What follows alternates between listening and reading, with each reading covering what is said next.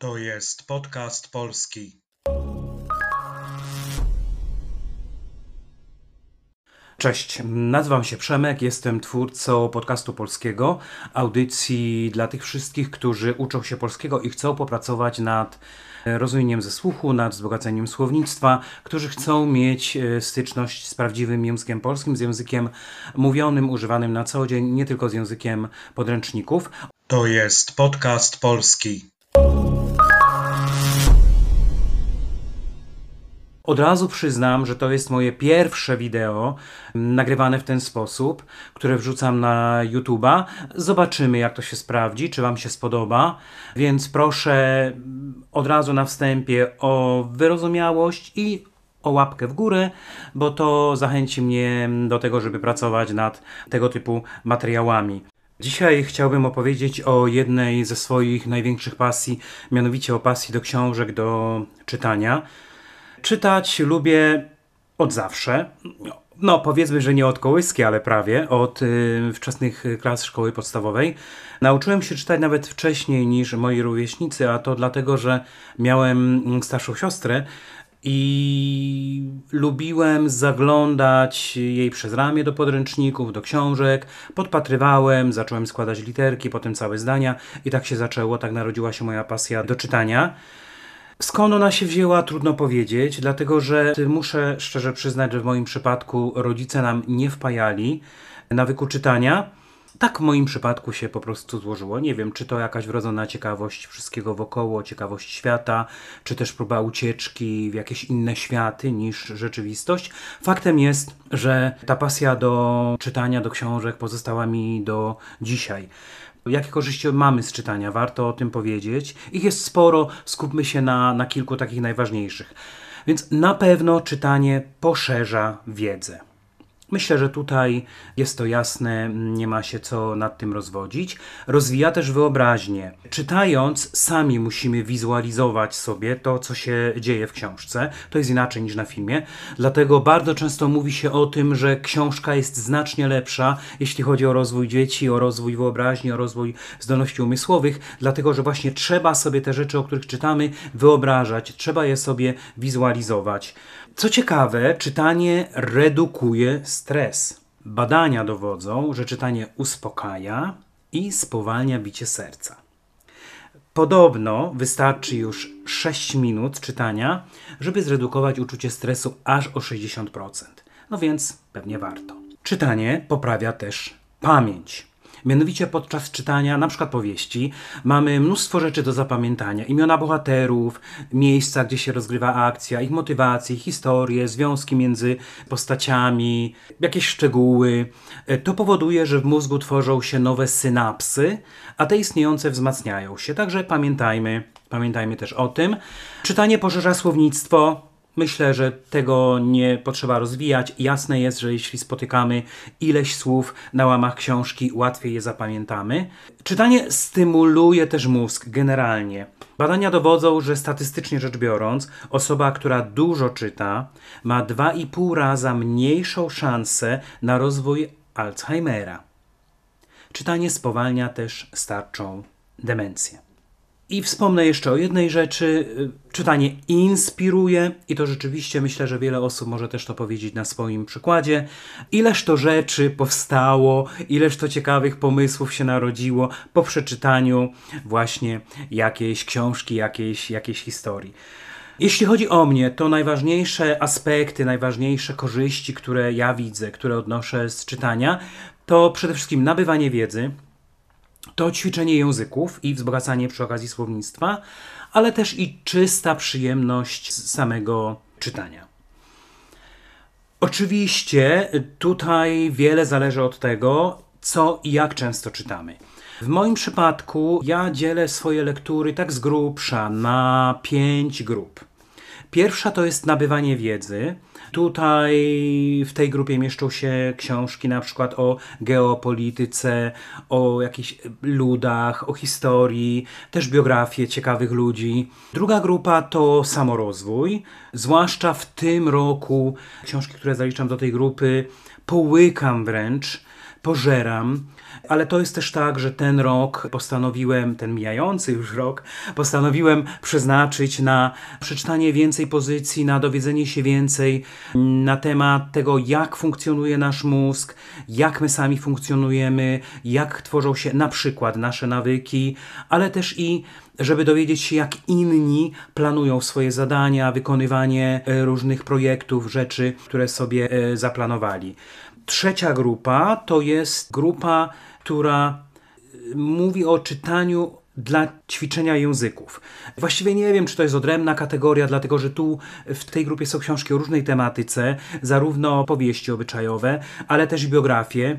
Generalnie różna tematyka, ale to dlatego, że to jest według mnie doskonały sposób na wzbogacanie słownictwa. I tutaj jako przykład podam, że książkę Sapiens Yuvala Harariego w tym roku przeczytałem po włosku, a jego drugą powieść Homo Deus po hiszpańsku. Mimo, że wcześniej czytałem je już po polsku, tym razem postanowiłem wziąć do ręki również tłumaczenia na te dwa języki, na włoski i hiszpański, właśnie po to, żeby wzbogacić swoje słownictwo. A że tematyka poruszana w tych książkach jest bardzo różna, bo mowa tam jest o historii ludzkości od zarania dziejów, jest tam mowa o bardzo różnych sprawach, zarówno o tym, jak tworzyły się pierwsze struktury społeczne, jak powstawał pieniądz, jak powstawały religie, organizacje, y, imperia, jak dochodziło do rewolucji. Naprawdę bardzo, bardzo szeroki wachlarz tematów, a zarazem szeroki wachlarz słownictwa, które warto sobie przyswoić. Kolejna grupa to są z kolei podręczniki, i tu też mówimy o nauce języków, ale to są stricte podręczniki. I kolejna grupa to są książki, które czytam dla przyjemności. Trudno powiedzieć, że coś z nich wynoszę, poza tym, że po prostu dobrze się bawię. Jeśli chodzi o czytanie, o książki, zawsze czytałem dużo. Zwykle nie notowałem, nie zapisywałem sobie jakichś rzeczy z tych książek, które czytam.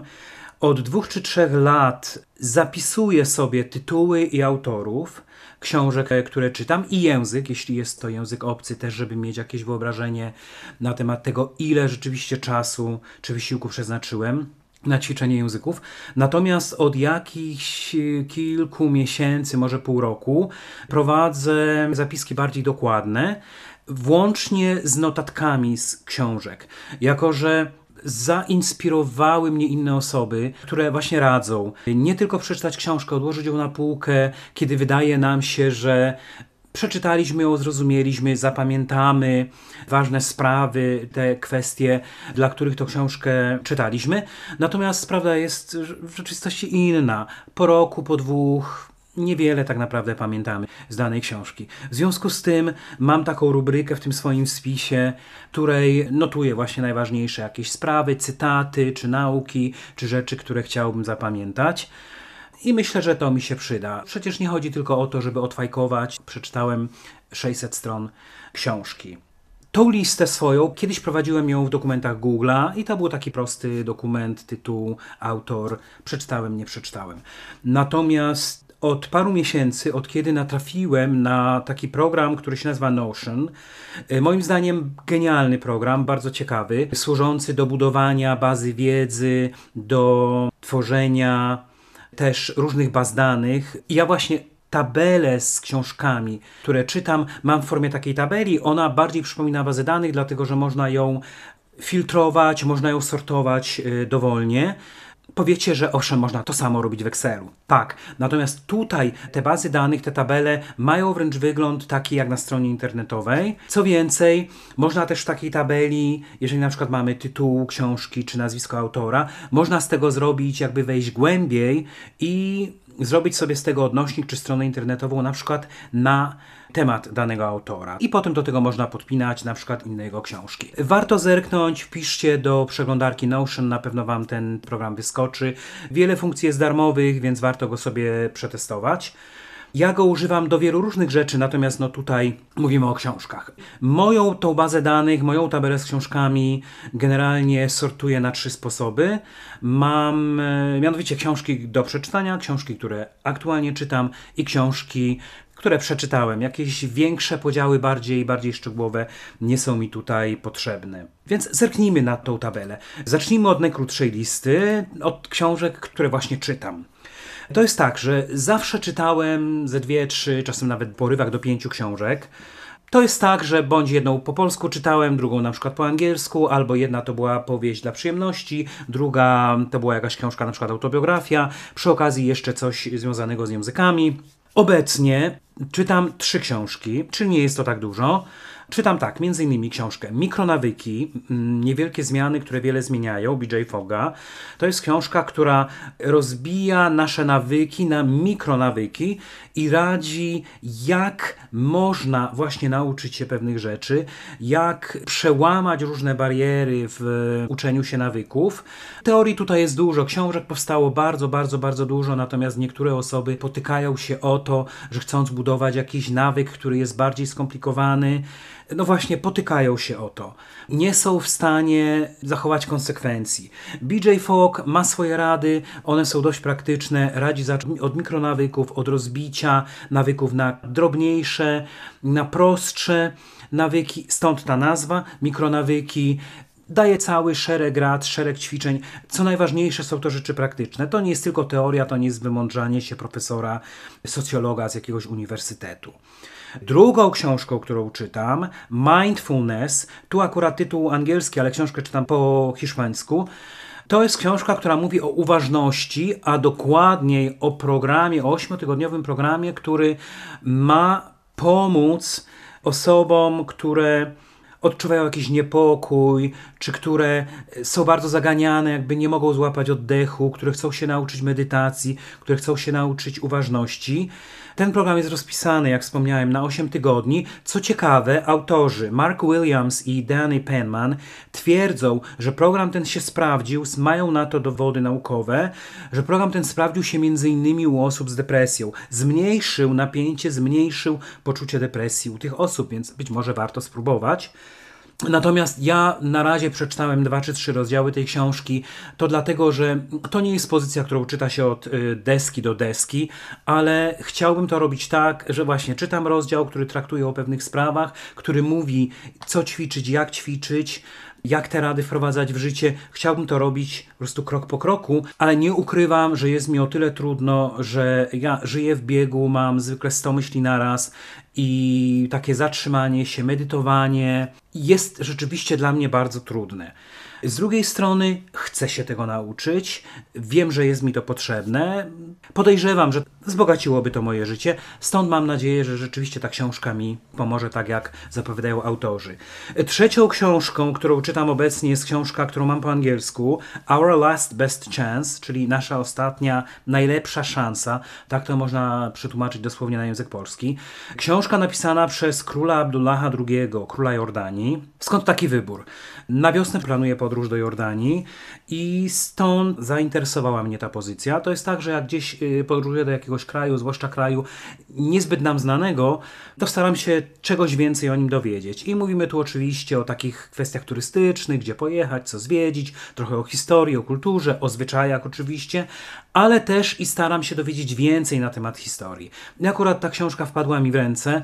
Ona traktuje co prawda nie tylko o Jordanii, ale generalnie o Bliskim Wschodzie, o problemach, o tych konfliktach, które od wielu lat targają Bliskim Wschodem.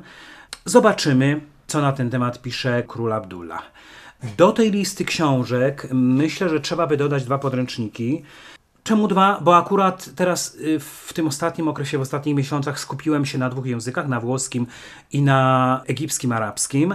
Stąd, jeśli chodzi o włoski, przerabiam teraz wielką gramatykę języka włoskiego z ćwiczeniami. Od deski do deski, już właściwie kończę. Polecam tą pozycję, dlatego że zawiera najważniejsze zagadnienia gramatyczne z omówieniami, przykładami i ćwiczeniami, więc to jest naprawdę bardzo istotne. Natomiast druga książka, drugi podręcznik, który przerabiam, jego tytuł oryginalny to jest e, Kalimni Arabi fi Haga. To jest książka do nauki języka egipskiego, do egipskiego arabskiego. I właściwie też już ją kończę. Muszę przyznać, że bardzo, bardzo lubię tą książkę, bardzo mi się podoba, zwłaszcza, że jest od początku do końca napisana po arabsku, z tamtymi realiami. Tyle o książkach, które właśnie czytam.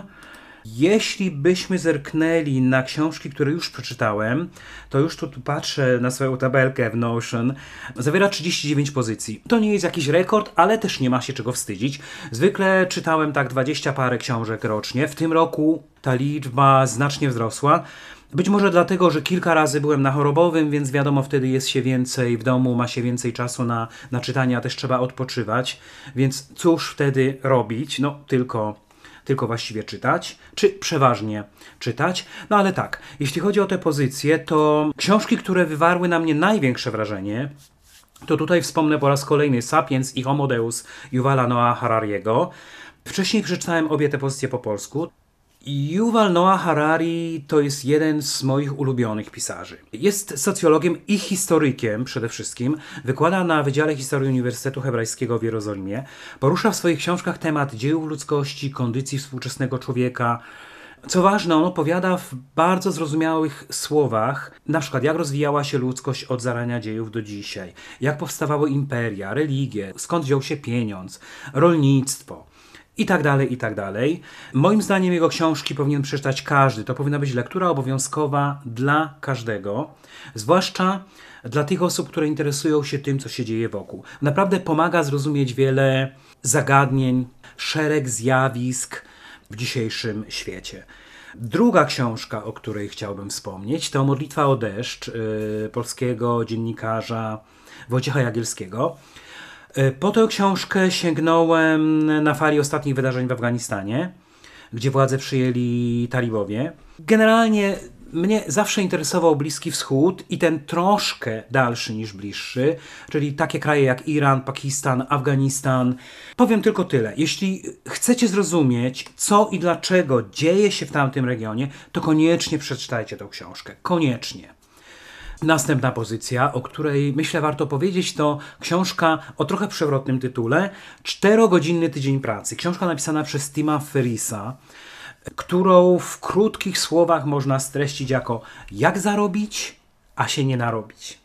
Mianowicie osobom, które, które mają dość siedzenia za biurkiem, słuchania szefa, wykonywania nie zawsze sensownych i produktywnych zadań w pracy, Tim Ferris radzi znalezienie dla siebie jakiejś niszy w biznesie, ale radzi znalezienie takiej działalności, którą będzie można w jak największym stopniu zautomatyzować.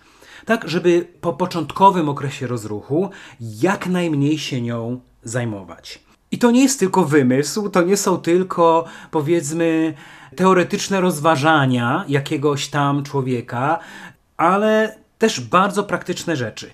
Ferris zawarł bardzo dużo narzędzi, bardzo dużo wskazówek i gotowych rad, włącznie z adresami stron internetowych, na których można je znaleźć. Polecam, naprawdę ciekawa, ciekawa pozycja. Kto wie, pewnie sam parę rad zastosuje w praktyce. Zobaczymy. Kolejna książka to Esencjalista Grega McKeona.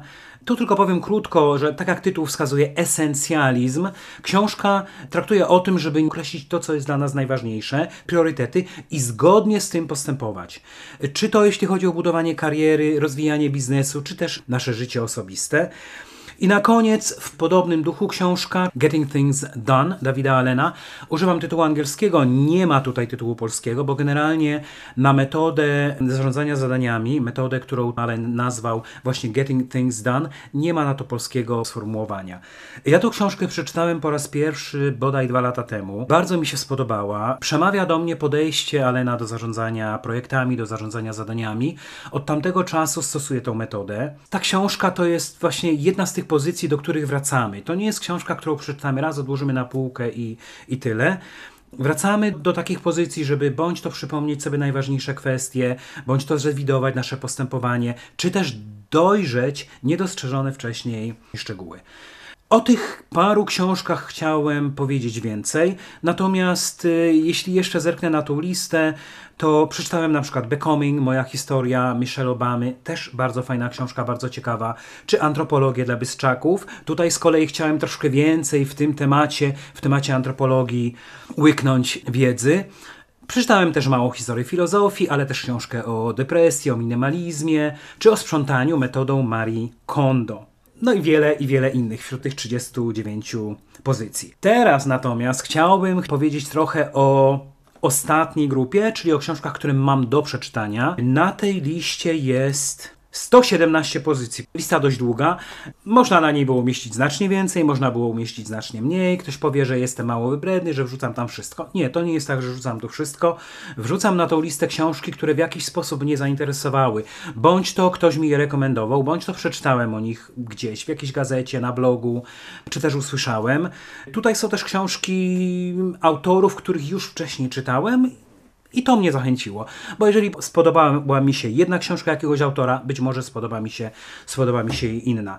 Tutaj bardzo krótko powiem, niewiele będę mógł powiedzieć o tych książkach, dlatego że jeszcze ich nie przeczytałem. Kilka przykładów. Tak pierwszy z brzegu A History of the Arab Peoples, Historia Narodów Arabskich. To jest pozycja, która wynika z mojego zainteresowania tamtymi terenami, Bliskim Wschodem, też językiem arabskim. Kolejna pozycja też jest związana z językami. A Linguistic History of Italian, czyli lingwistyczna historia języka włoskiego.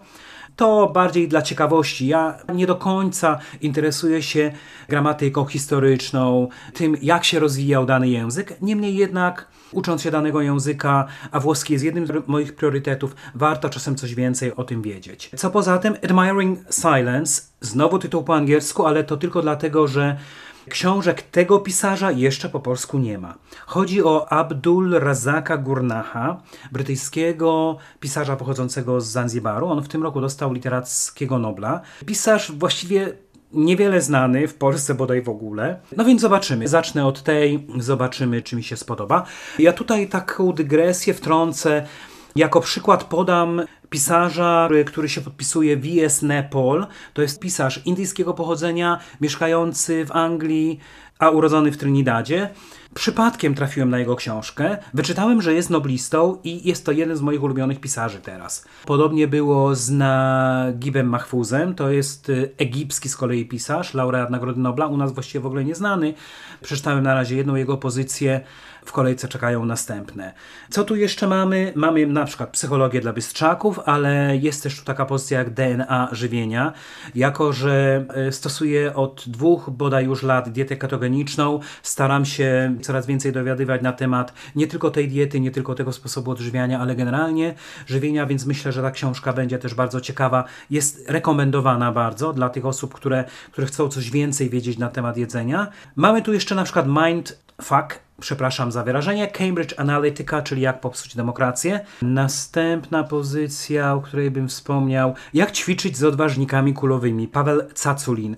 To jest rosyjski sportowiec, który doprowadził do perfekcji wręcz metodę ćwiczenia z y, odważnikami kulowymi, które u nas częściej określa się angielską nazwą, czyli kettlebells. Chciałbym więcej ćwiczyć odważnikami, stąd chciałbym tą pozycję przeczytać, ale też przeczytam, myślę z przyjemnością, biografię Krzysztofa Krawczyka, Życie jak wino. Mam też na tej liście stulatek, który wyskoczył przez okno i zniknął tytuł już sam sobie jest ciekawy. To jest książka, którą przeczytam wybitnie dla przyjemności. Książka Jonasa Jonassona, autora ze Skandynawii, nie pamiętam w tym momencie z którego kraju. Ja przeczytałem już pozycję, którą on napisał, analfabetka, która umiała liczyć. I przyznam, że śmiałem się do rozpuku przy tej książce. Stąd też z przyjemnością, jak już będę miał dosyć na dany moment książek pakujących mi do głowy wiedzę, właśnie sięgnę postulatka. I to by było na tyle. Nie będę Was zanudzał całą listą tych 117 książek, które mam do przeczytania, a ona pewnie lada chwila się powiększy o kolejne pozycje tymi książkami, które mam do przeczytania, chciałbym ten odcinek zakończyć. To tyle na dzisiaj. Na koniec tylko przypomnę, że podcast polski ma profil na Facebooku, więc jeśli nie chcecie przegapić żadnego odcinka, polubcie, kliknijcie tam lajka i powiadomienia. W ten sposób nie przegapicie nic. Zerknijcie też na Instagrama, bo tam wrzucam trochę inne rzeczy. Natomiast dla tych osób, które e, chciałyby jeszcze więcej materiałów, które są gotowe wesprzeć rozwój rozwój podcastu stworzyłem e, profil na Patreon, gdzie zamieszczam dodatkowe teksty i ćwiczenia i tam też zamieszczam, w niektórych przypadkach zamieszczam transkrypcję, czyli tekst do audio, który się pojawia na podcaście. Dlatego, że nie wszystkie audio, nie wszystkie wideo będą miały, napisy będą miały transkrypcję, ale jeżeli chcielibyście z tą transkrypcją się zapoznać, zerknijcie na Patreon. E, wszystkie linki znajdziecie na blogu podcastpolski.pl. Do usłyszenia i zobaczenia.